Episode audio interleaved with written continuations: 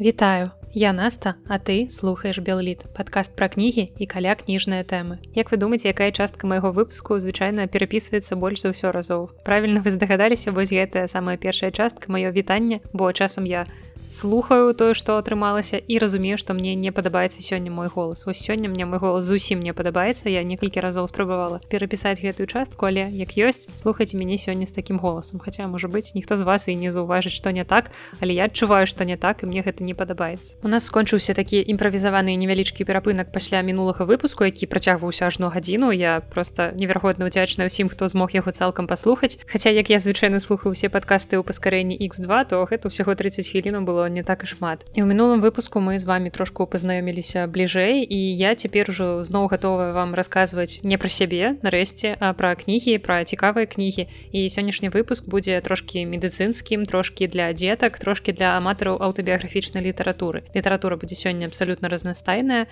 мы даведаемся дзе расце пячэнне чаму чалавек які прадстаўляецца абрэвіатурай піяр не заўсёды займаецца піярам і таксама я ў канцы адкажу на некаторыя вашы пытанні стартуем адразу з дзіцячых навінак якія нядаўна з'явіліся ў выдавестве янушкевич і мне даволі часта ўвогуле задаюць пытанне як чытаць больш. І вы акурат маглі гэта чуць у мінулым выпуску. Адно з пытанняў было як я так шмат чытаю. І людзі думаюць Мачыма што я валодаю нейкім навыкам хутка чытання але насамрэч тут ніякіх сакрэтаў няма. Дакладней ёсць адзін сакрэт але ён максімальна банальны чытайце дзіцячыя кніжкі з карцінкамі і чым менш там тэксту і больш карцінак тым лепш тры навінкі святланы татарнікавай з яе тэкстам і з яе малюнкамі ўжо выходзілі за мяжой на іншых мовах але вось цяпер па-беларуску нарэшце з'явілі з'явіліся таксама. Гэта вялікія каляровыя дзіцячыя кнігі з яркімі ілюстрацыямі і ў кожнай кнізе па 24 старонкі у іх вялікі фармат яны такія амаль квадратныя 22 на 24 сантыметры у іх крыдаваная папера карацей гэта вельмі прыхожыя якасныя яркія дзіцячыя кнігі і ўсе гэтыя кнігі аб'яднаныя галоўнымі героямі сям'ёй мышак у якой растуць вельмі цікаўныя мышаняты якія хочуць ведаць літаральна ўсё. Напрыклад адкуль бярэцца сыр на якім дрэве расце пячэнне чаму маленькія авечкі не могуць гуляць разам з усімі чаму іх такое вялікая футра гарачая і мой фаварыт сярод трох кніг гэта хто нам дораць рукавічкі бо я вяжу займаюся вязаннем і мне было вельмі прыемна прачытаць такую кнігу пра ўвесь працэс з'яўлення нітак з воўны. Хаця я яго прынцыпе ведаю мне ўжо як бы не 5 годзікаў. Але ўнутры кнігі хаваюцца вельмі мілыя мышы у такіх яркіх каляровых шведрах шкарпэтках. Ну гэта просто моя асабістая слабасць. Другая кніга называется адкуль прылятае сыр і яна расказвае пра ўвесь працэс з'яўлення сыру ад поля дзе пасвяцца кароўкі якія потым дадуць малако з якога ў выніку мышы звараць сыр. І потым яны частуюць гэтым сырам усіх сваіх суседзяў свінак і авечак. Ну і трэцяя кніга святланы татарнікавай называется дзе расце пячэнне і ў ёй мы прасочым увесь шлях які праходзіць пячэнне або іншыя розныя мышныя вырабы. У самым пачатку кнігі мышкі пасадзілі ў зямлю пшанічныя зярняткі потым яны чакаюць пакуль гэтыя зярняткі вырастуць. Тады іх можна сабраць змалаціць каласы змалоць у муку і тады ўжо з іх гатаваць розныя смачныя штукі. Усе гэтыя кнігі разлічаныя на ўзрост недзе 3-5 гадоў. У канцы кожнай кнігі і маленькіх чытачоў чакае такое пэўнае цікавае заданне. Напрыклад трэба злучыць падобныя прадметы або прайсці лабірын з нітак. Таму тут не проста чытанка але яшчэ і інтэрактыў Таму калі у вас ёсць маленькія чытачы я вельмі раю звярнуць увагу на гэтыя кнігі. акурат набліжаюцца святы гэтыя кніжкі класна можна пакласці под ялінку Ну а зараз рыхтуйцеся да майго вельмі вельмі захопленага водгуку. Тут будзе кніга, якая сёлета імкліва ўрываецца ў топ найлепшага прачытанага нон-фікшану. Гэта кніга Адамакея будзе больна гісторыя врача ушедшего з прафесіі на пікі кар'еры. Гэта брытанскі бестселлер 2017 года. І калі вы даўно з маім падкастам, то вы ведаеце, што медыцына была адной з маіх мараў дзяцінства. Я вам шмат расказвала ўжо пра розныя медыцынскія кніжкі. І вось такім лекарам як Адам я б была, калі б усё ж такі 11 гадоў таму я не выбрала б філфака выбрала б медыцынскі універсітэт і я вам ужо рассказывала пра розныя медыцынскія кнігі але гэта з іх самае смешнае бо гумар гэта такая добрая ахоўная рэакцыя калі табе штодня даводзіцца ратаваць жыцці і чорны гумар увогуле можа стаць тваёй другой скурай Мне здаецца што я магла б гэтую кнігу чытаць вечна але разумею што адам кей ўсё ж такі не так доўга працаваў урачом так што ліміт яго гісторыі не вечны. І спачатку мне ўвогуле здавалася што адам кей вельмі своечасова сышоў з прафесіі каб не паспець неяк неяк выгараць і ён піша вельмі класна такія тэксты пра сваю працу. Няхай яны часам вострыя яны вельмі крытычныя але яны открываюць людзям вочы на брытанскую сістэму аховы здароўя. І яна часам вельмі бесчалавечная ў адносінах да людзей якія ратуюць іншых людзей. Я думаю што ёсць падабенства і з беларускай сістэмы аховы здароўя. Але чым больш я гэтую кнігу чытала тым больш я разумела што ўсё ж таки адам сышоў з прафесіі акурат таму што ён выйграў адбылося гэтае выгаранне і ён сышоў ну як тут напісана ў кнізе на піку кар'еры. Праца ўрача заўсёды недастаткова шануецца яна не вельмі высока аплачваецца а супрацоўнікі заўсёды перагружаныя. Але нават гэта зрабілася для адама добрай хлебай для жартаў якія няхай і сумныя але ўсё ж такі вельмі смешныя. Все утро вместе с ипотечным брокером изучали мою банковскую выписку за последние три месяца чтобы он мог оценить уровень моих расходов. Вы особо нигде не бываете я посмотрю сказал он подсчитывая мои траты. В кое веки я был благодарен своей работе. Мы в жизни бы не сэкономили достаточно денег на первый взнос будь у меня возможность вести нормальную социальную жизнь для человека под 30 але про саму сваю працу і кар'ерны шлях адам кей піша вельмі займальна з гумаром і вялікай цеплынёю і гэтая кніга напісана ў выглядзе дзённіка чалавека які прасоўваецца па медыцынскай кар'ернай лесвіцы ад інтэрна да старэйшага ардынатара і главы там акурат называюцца вось у хонар розных гэтых пасадаў якія ён займаў на працягу сваёй працы. І на гэтым шляху заўжды шмат паверхаў на якіх ты часам спыняешся завісаеш набіраешся досведу і ідзеш далей да наступнага паверха адам расказвае пра рэальныя сітуацыі якія з ім адбываліся падчас працы і вядома імёны пацыентаў даты змененыя ўсе і гумар адама мяне пакарыў просто з першых же сторонок для сохранения врачебной тайны я изменил клиническую информацию которая могла бы помочь установить личность конкретных пациентов поменял даты и обезличил имена зачем Фиг его знает ведь лицензии лишить они меня уже не могут. Вось такія з'едлівыя з лёгку цынічныя жартачки чакаюць вас па ўсім наступным тэксце і калі вам здаецца что тело чалавека яго хваробы яго недасканаласці что яны свяшчэнныя что яны не могуць быць прадметам насмешак то вам гэтую кнігу лепш не чытаць і далей вам лепш не слухаць пра гэтую кнігу тому что гэтая кніга для вас стане таким моцным ударам по вашай тонкай душэўнай арганізацыі напрыклад вось наступнае параўнанне прыскаў крыві з сучасным мастацтвом пациент принялся всячески извиваться сопротивляясь тому чтобы эта ужасная штука оказалась у него в горле и кровь хлестала повсюду на меня на хьюга на стены шторы и потолок Это напоминало какой-то особенно авангардный эпизод квартирного вопроса. Але калі вы цалкам гатовыя пагрузіцца ў будні акушэра гінеколага, то смело чытайце, гэтая кніга зусім тонкая, яна чытаецца за адзін прысест і Адам пачынае там самых асноў з выбару прафесіі, калі вы яшчэ школьнік. Когда тебе 16, твоя мотивация заняться медициной обычно ограничивается фразами вроде «Мои родители были врачами», «Мне нравится доктор Хаус» или «Я хочу излечить рак». Первые две причины крайне нелепая, а третья была бы совершенно уместной, будь она более искренней. Только вот этим занимаются ученые-исследователи, а не врачи. У Адама тут акурат першая сітуацыя для яго медыцыны стала сямейнай справы ён пайшоў па шляху бацькі але ў выніку абраў свой шлях калі перапыніў кар'еру лекара на піку і стаў займацца іншай любімай справай ён стаў занимацца пісьменніцтвам наколькі я ведаю ён цяпер піша сцэнарыі піша кнігі пра сваю працу ён здаецца нават для нейкага вядомага серыяла сцэнарый напісаў і я думаю што ён цалкам задаволены тым як склалася жыццё. У кнізе шмат медыцынскай тэрміналогіі але ўсе нейкія складаныя дыягназы працэдуры захворванні. Аўтар перакладае з так скажем доктарскай мовы на чалавечую пачынаючы з тлумачэння слова стетоскоп у першым жа дзённікавым запісе я полностью за то чтобы объяснять медицинскую терминологию по ходу книги. Но если вы не в курсе что такое стетоскоп то пожалуй лучше подарить эту книгу кому-то другому. Я вельмі хочу каб падобныя кнігі дапамагалі ачалавечваць урачоў бо яны людзі з такімі ж абсалютна праблемамі як і мы яны таксама хварэюць яны таксама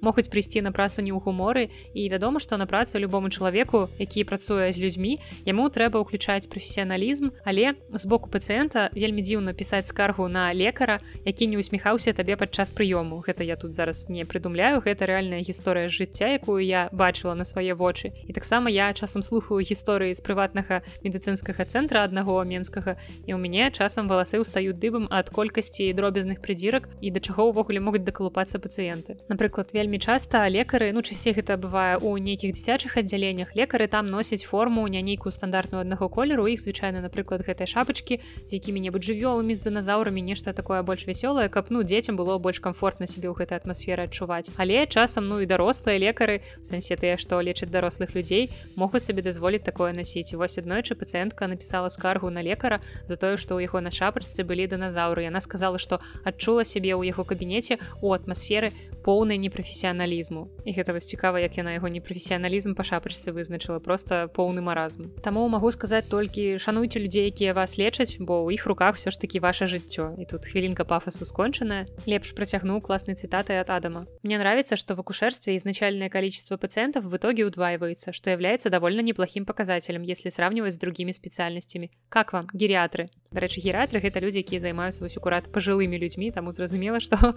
колькасць пацыентаў іх наўрадці павялічваецца ў два разы хутчэй наадварот імкліва змяншаецца Ну і размову пра гэтую кнігу я скончу некалькімі такімі амаль анекдотамі анекдатычнымі выпадкамі з практыкі адама напрыклад аднойчы да іх у бальніцу трапіла пацыентка у якой вельмі хутка зварочвалася кроў і аналізы нічога асаблівага не паказвалі і вось тады іх юга ардынатар адама высветліў што жанчына прымала нейкія спецыяльныя таблеткі біядабаўкі якія купіла ў суседняй краме яны нібыта ёй дапамагалі ад трывожнасці. І высветлілася што менавіта ў гэтых біядабаўках ёсць нейкія такія элементы якія перашкаджаюць крыві і жанчына была вельмі здзіўленая бо яна думала што ну гэта ж типа траўкі просто траўкі што яны могуць рабіць як яны могуць нашкодзіць. І далей х'юга ардынатар адама выдаў просто шыкоўную гісторыю. Знаете абрикосовые косточки содержат цианид сухо ответил он Смертность от бледной поганки составляет 50%. Натуральная не значит безопасная. У меня в саду есть растение, под которым, если просто посидишь 10 минут, то непременно умрешь. Дело сделано, пузырек с капсулами летит в мусорное ведро. Вось вы здагадаліся, што гэта за расліна такая незвычайная, пад якой калі пасядзець можна памерці. Адам пазней пацікавіўся ў х'юга, што гэта за расліна такая і той адказаў, што гэта гарлачык. Зразумела, што калі пад ім 10 хвілін пасядзець, то можна памерці, але мне здаецца, што каб захлынуцца вам хопіць і некалькі хвілін. Наступная гісторыя нават не паўнавартасная гісторыя, гэта проста невялікая заўвага ад Адама, які дзеліцца асаблівасцямі медыцынскай тэрміналогіі. Піар это ректальны осмотр, так што всегда уточняйте, когда вам кто-то говорит, что он является специалистом по пиар. Ну а наступная заувага мяне повеселила уже у маёй професійнай сферы у філалогіі. Можно все что угодно перевести на древнегреческий, и это будет звучать более официально. Холли лита проктофилия означало бы засовывание желчных камней в задний проход, однако я только что это придумал. Орбита беленофилия – склонность тыкать себя иголками в глаза – краніофалічскі анастамоз членагаловы Ну як я казала калі вам не падабаюцца вельмі цялесныя вельмі плоцевыя гісторыі то лепш пераматайце на наступную кнігу у апісанні ёсць для гэтага тайм-код. І наступная гісторыя пра тое якія рэчы часам могуць аказацца ў чалавека ў заднім праходзе есть такая штука яна называется синдром эйфеля і я не ведаю наколькі часта яна сустракаецца ў медыцыне але я чула пра гэты синдром у дачыненні да дызайну ці да архітэктуры калі нешта недарэчнае нязграбнае спрабуюць неяк інтэграваць у неўласцівае для гэтага асяроддзя напрыклад вельмі прыгожы зялёны мікрараён усход з гэтым водна-зялёным дыяметрам сляпянскай воднай сістэмай. І данамол таксама маяк мінска і нацыянальная бібліятэка гэта месцы якія там абсалютна чужыя якія выглядаюць там просто неверагодна жахліва. І калі-небудзь усю гэтую тэрыторыю не не знясуць яе абнясуць плотам з калючым дротам і зробяць там музей вычварнай пачварнай архітэктуры. Я думаю что гэта было б клёва. Ну і гэты синдром адам кей выкарыстоўвае ў дачыненні да некаторых сваіх пацыентаў якія робяць так каб нейкая рэч аказалася ў не вельмі ўласцівым для гэтага месцы. Большинство из этих пациентов страдают от синдрома Эйфеля. Я упал, доктор, я упал. И порой рассказывают просто невероятные небылицы о том, как что куда попало. Однако сегодня я впервые действительно поверил рассказу пациента. Это был вполне правдоподобный и, судя по всему, крайне болезненный инцидент с участием дивана и пульта от телевизора. По крайней мере, нахмурив брови, я подумал, что ж, полагаю, такое могло случиться. Однако, когда мы доставали пульт в операционной, то обратили внимание на надетый на него презерватив, так что, вероятно, это не было полной случайностью. І калі вы ўсё яшчэ са мной пасля расказу пра папярэднюю кнігу, то вы малайцы, у вас просто неверагодная сіла волі. Я віншую вас тым, што вы праслухалі палову падкаста. Наступная кніга, пра якую я буду гаварыць, яна таксама часткова аўтабіяграфічная і ў ёй аўтар піша ў тым ліку пра сваё жыццё і пра сваю працу. Праўда, ён не лекар, ён пісьменнік. І гэта адна з самых незвычайных кніг, што я чытала апошнім часам незвычайная паводле яе структуры. Гэта кніга ідзе адзін Барыса Пятровіча і выйшла яна ў выдавестве кнігазбор у 2019 годзе. Чаму я назвала яе незвычайнай бо гэта не роман гэта не зборнік апавяданняў гэта такая цікавая дзённікова мастацкая кніга. Барыс Петрович вырашыў занатаваць адзін месяц свайго жыцця і гэта адбылося ў вельмі далёкім 93 годзе і вельмі далёкім для мяне паколькі ў гэты год я толькі нарадзілася але ж пісьменнік занатаваў яшчэ студзень а да майго нараджэння засталося яшчэ больш за паўгода. І тым не менш мне было вельмі цікава пачытаць пра тое што адбывалася ў год майго нараджэння ў беларусі прычым вачыма пісьменніка. Кожны дзень студзеня 1993 года Барыс Петрович рабіў невялікую дзённікавую замалёўку ён напісваў апісваў што цікавага здарылася за гэты дзень у яго жыцці у яго творчасці. Таксама ён расказвае і пра сям'ю і пра працу. Ён дзеліцца гісторыямі пра пісьменнікаў з якімі ён сустракаўся з якімі ён працаваў. І таксама ў гэты дзень ён пісаў кароткую прозу зрабіў сабе так скажем чэлендж. Ён записываў прозу ў прыдуманых ім жанрах. Гэта версіі піліпікі і апофрыкі. Не апокрыфы а менавіта апофрыкі. Мне здаецца што галоўная тут акурат частка фрык. І з гэтага атрымаўся своеасаблівы творчы эксперымент бо аўтар прымушаў сябе пісаць нават тады калі не хацелася пісаць не пісалася не было часу. Але ён все роўна сумленна дысцыплінавана занатоўваў кожны свой дзень. І заўсёды ў запісах прызнаваўся што акурат цяпер ён адчувае ці прымушае ён сябе пісаць у гэты момант. І кніга цікавая прычым не толькі як пэўны аўтарскі творчы этап вось у жыцці аднаго пісьменніка барыса петровича але таксама як документ эпохі вось той маладой беларусі пачатку 93 -го года. І хоць выйшла кніга ўсяго два гады таму але трэба разумець што ўсе гэтыя запісы рабіліся ажно 28 гадоў таму. І гэта можна сказаць пэўная аўтарская смеласць падзяліцца з чытачом чымсьці сваім раннім пры гэтым не робячы ў гэтым праўкі не змяняючы тэксты суадносна са сваім нейкім цяперашнім светапоглядам. Праўда мы ўсё роўна не можемм ведаць ці правіў аўтар у тых запісах амаль 30гадовай даўніны нешта ці той же варыянт мы чытаем які быў тады напісаны. Але я маю спадзеў што ўсё ж такі аўтар нічога не змяняў і заставаўся са сваімі чытачамі шчырым до конца Ну і традыцыйна пасля ўсіх кніжных захапленняў я сёння раскажу вам і пра кніжнае расчараванне. Цішыня гэта ўвогуле самая недаацэненая ў наш час штука. Гэта проста раскоша і мне часам здаецца, што я з цішынёй сустракаюся толькі ноччу, калі кладуся спаць. І тое гэтая цішыня заўсёды няпоўная, бо калі прыслухацца, я, напрыклад, магу пачуць, як пачынае капаць кран на кухні або пачынаюць шумець трубу ў ванны або ў кагосьці зверху суседзяў дзеці плачуць, сабакі пачынаюць скуголіць. А калі ты спіш зачыненым акном калі гэта лета то ну увогуле не думай пра цішыню бо недзе далёка стукаюць нейкія цягнікі або нейкі завод шуміць бо ну ноччу вельмі добра ўсё гэта чуваць. І мы звычайна размаўляем мы слухаем музыку мы глядзім серыялы мы баімся нешта выпусціць з-пад увагі. Не заўсёды мы ўсведамляем што нам маглі б дапамагчы 5 хвіліну цішыні калі проста пасядзець і падумаць і гэта можа вырашыць многія нашы праблемы. Нарвежскі пісьменнік Эрлінг Каге пра кнігу якога мы сёння пагаворым бываў у месцах, дзе вельмі цяжка сустрэць староннія шумы. Напрыклад, ён стаў першым чалавекам, які пакарыў так званыя тры полюсы зямлі. Гэта паўночны полюс, паўднёвы полюс і гара Эверест. 28 гадоў таму ён у адзіночку дайшоў да паўднёвага полюса за 50 дзён. І многія падумаюць не тое, што о, які ён круты, ён малайчына, што вось гэта сіла волі ў яго а падумаюць што ён там чокнуўся мабыць без музыкі без серыялаў і без людзей Ну а я зразумела што ў мяне нейкія праблемы з цішынёй не вельмі даўно я раптам просто ўсвядоміла асэнсавала што мне складана заставацца сам насам з сабой у цішыні напрыклад калі я іду кудысьці просто гуляць то я абавязкова з сабой возьму навушнікі у мяне там будзе музыка або нейкі выпуск подкаста аўдыокніга і я ніколі не выходжу з дому без навушнікаў нават калі я іду з людзьмі ўсё роўна ёсць такая магчымасць што я буду вяртацца дадому адна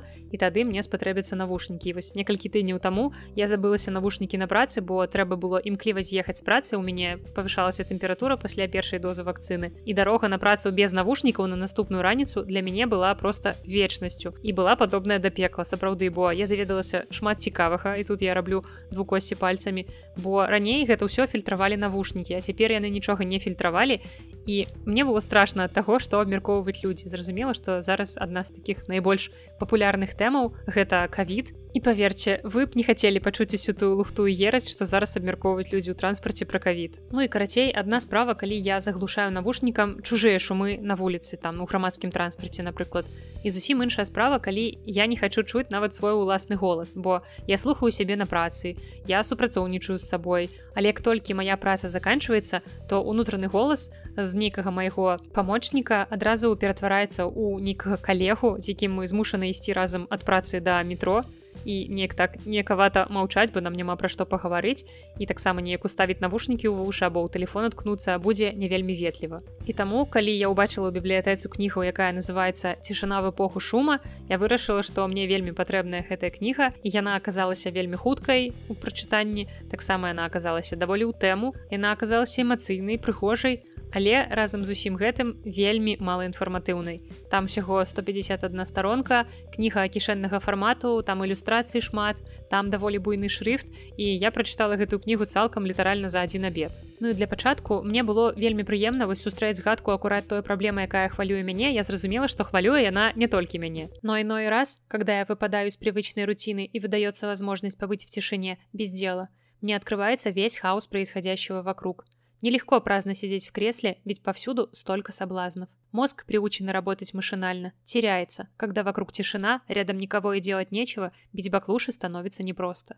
Зачастую я решаю занять себя чем попало, лишь бы не заполнять тишину собой. И вот это лишь бы не заполнять тишину собой, это аккурат то, что я описала вышэй, але прызнаюся шчыра, калі я пагугліла імя гэтага аўтара, я ўсё ж таки ад гэтай кнігі чакала трошки большага, бо чувак, ну ты 50 дзён правёў цішыні Антарктыды, І ты вот все что ты можешь расказаць гэта вось гэта ён сапраўды спачатку расказваў нейкія цікавыя рэчы але ўсё роўна у асноўным кніга зводзілася да чужых выказванняў пра цішыню таксама да нейкіх банальных фраз пра пошукі спакою пра ўсе гэтыя рэчы згадкі вядомых мысляроў банальныя цытаты Дякуй не трэба я вось ужо нядаўна чытала сілу спакойствия дзялілася з вами у адным з выпускаў больш такога мне не трэба мне хацелася б крыху больш рэфлексій аўтара бо яму сапраўды ёсць пра што расказаць у яго вельмі класны багаты жыццёвы досвед. І здаецца здаецца што каге прыгожа патрэбныя актуальныя рэчы апісвае.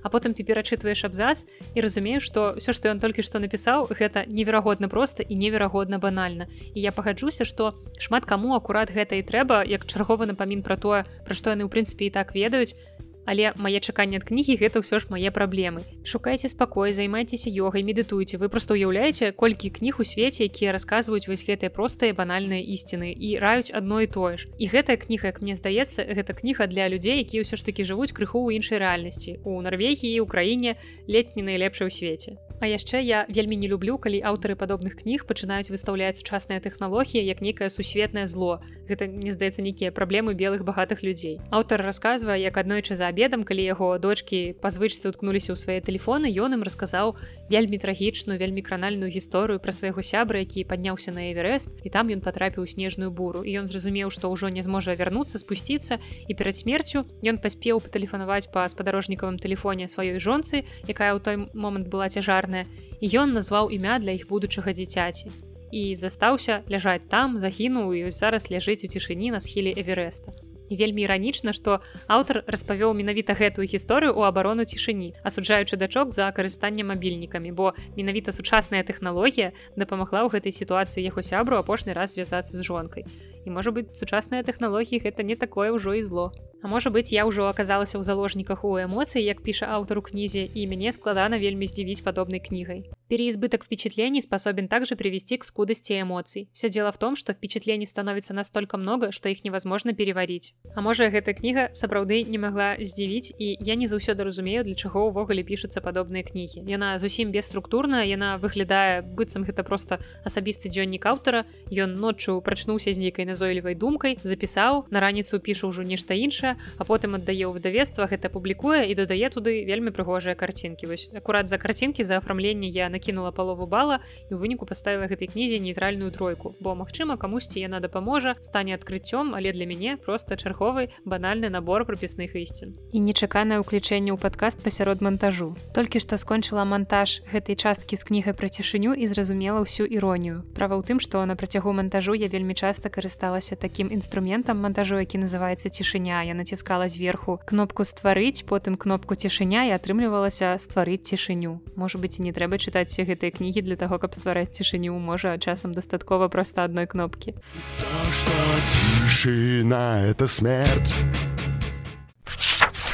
Ну а цяпер пяройдзем да вашых пытанняў якія я атрымліваю Google форму ў апісанні да кожнага выпуску вы таксама можете задаваць свае пытанні туды ці ў каментарыях калі на платформе праз якую вы мяне слухаеце ёсць такая магчымасць і часткі лялькавод Іван задаў важное пытанне пра аўдыокнігі і тут арфаграфія аўтара далей захаваная. Я вам зачытаю паведамленне дзень добры адразу выбачаюся калі гэтае пытанне ўжо было. Хацеў бы запытацца ці існуе дзе-небудзь крама ці кнігоўні з беларускімі аўдыокнігамі ў нармальнай якасці я спрабую вучыць беларускую мову і выбраў для гэтага шлях шчыльнага чытання.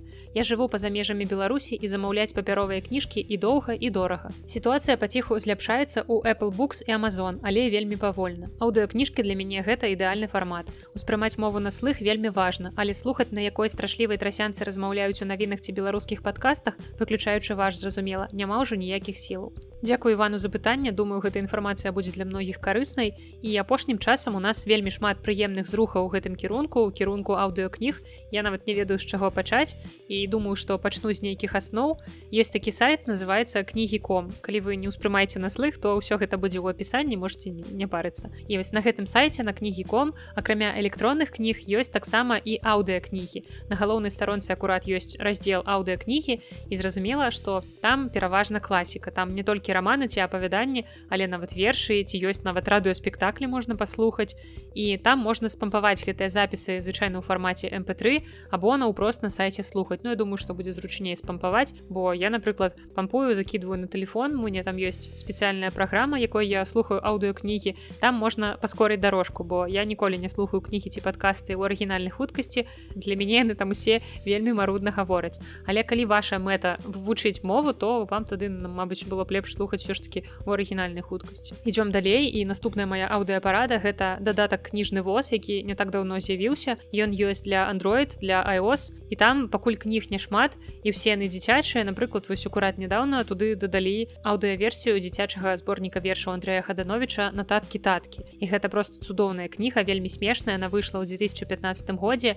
І там жыццёвая вясёлая знаёмая многім гісторыі калі мама не мяняе борщ на цукеркі а бацька прымушае чысціць зуб зубы. І гэта ўсё апісана вельмі дасціпна і нават дарослыя чытаюць гэты вершы заўсёды з усмешкай прынамсі у мяне няма дзяцей але я чытала кнігу і смяялася і папяровую гэтую кнігу ўжо даўно нідзе не знайсці але ну раю вам звярнуць увагу на аўдыаверсію таксама раздзел аўдыакнігі ёсць на сайце камунікат орг вы шукайце ў іх на сайце на галоўнай старонцы і злева ёсць такая кнопачка аўдыакнігі і там іх таксама можна спампаваць у фармаце mp3 таксама некалькі гадоў таму да дня ведаў і дня беларускага пісьменства міністэрства інфармацыі напружылася і размясціла на сваім сайце аўдыакнігі якія выпушчаныя выдавецтвам вышэйшая школа. Усе кнігі там можна спампаваць на google дыску яны нават не змаглі зрабіць ніякі дадатак это просто скінутыя на google дыск файлы але ну ладно что маем то маем і ссылка таксама будзе ў опісанні да выпуску. Там пераважна класіка творы які ўваходзіць у школьную праграму. Таму калі у вас ёсць дзеці школьнікі Я думаю что гэта таксама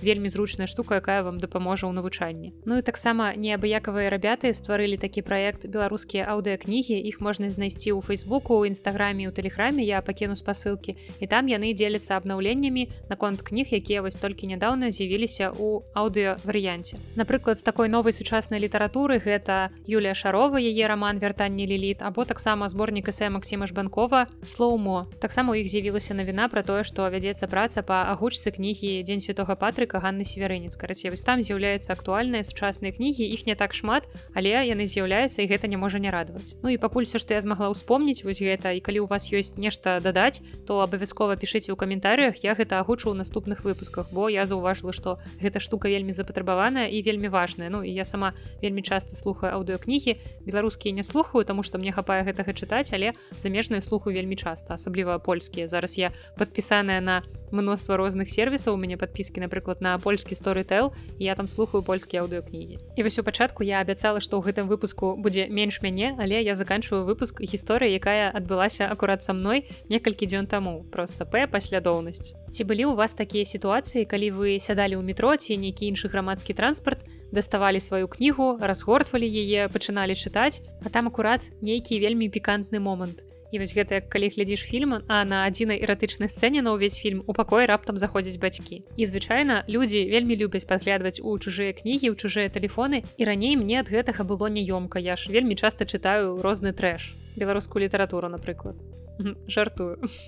Ці не? Нядаўна ехала ў метро чытала першую кнігу з цыклу моя барацьба не не адольфа гітлера гэта я даўно чытала а Карла увек наузгара гэта такі нарвежскі пісьменнік які вядомы сваім вось гэтым аўтабіяграфічным цыклам моя барацьба у які ўваходзіць 6 кніг. Вось я нядаўна пачала першую і калі я разгарнула кнігу ў метро па дарозе на працу там акурат быў даволі эратычны момант у якім малады чалавек турбаваўся што яго палавы орган вельмі дзіўнай формы. І гэта такі ўзрост калі ты ў прынцыпе яшчэ не асабліва разумееш як там у цябе ўсё ў целе павінна быць уладкавана ты баіся што ты нейкі няправільны што ты не будзеш падабацца дзяўчатам там больш што кнаусгар апісвае сваё юнацтва гэта недзе пачатак сярэдзіна 80-х гадоў. Калі не было інтэрнетаў ты не мог просто загугліць паглядзець як там што. І вось я чытаю гэты эпізод гэтыя пакуты хлопца і разумею што суседка збоку ў метро пырыцца ў маю кнігу. Абсалютна нахабна.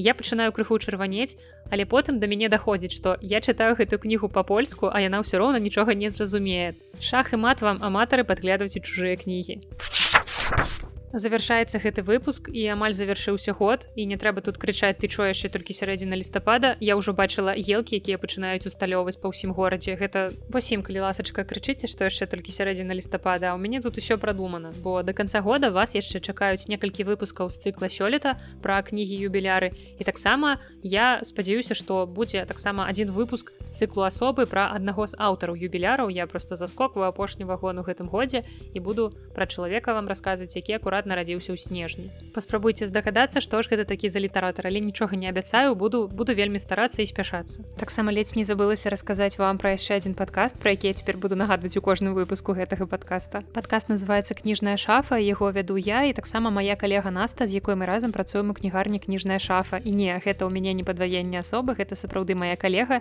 з якой мы разам працуем ужо чатыры гады і нам ёсць што цікавага расказаць пра нашу працу пра наведвальнікаў якія у нас тут бываюць пра кнігі якія у нас прадаюцца ну увогуле так неяк цікава паміж сабой пагутарыць таму я спадзяюся што і гэты падкаст вам прыйдзецца даспадобы я пакіну усе спасылкі на яго ў опісанні да выпуску. Яго ўжо можна паслухаць у яндекс музыцы у google подкастах у apple подкастах таксама у кастбоксе. А на сёння гэта ўсё з вами была наста і падкаст белліт да сустрэчы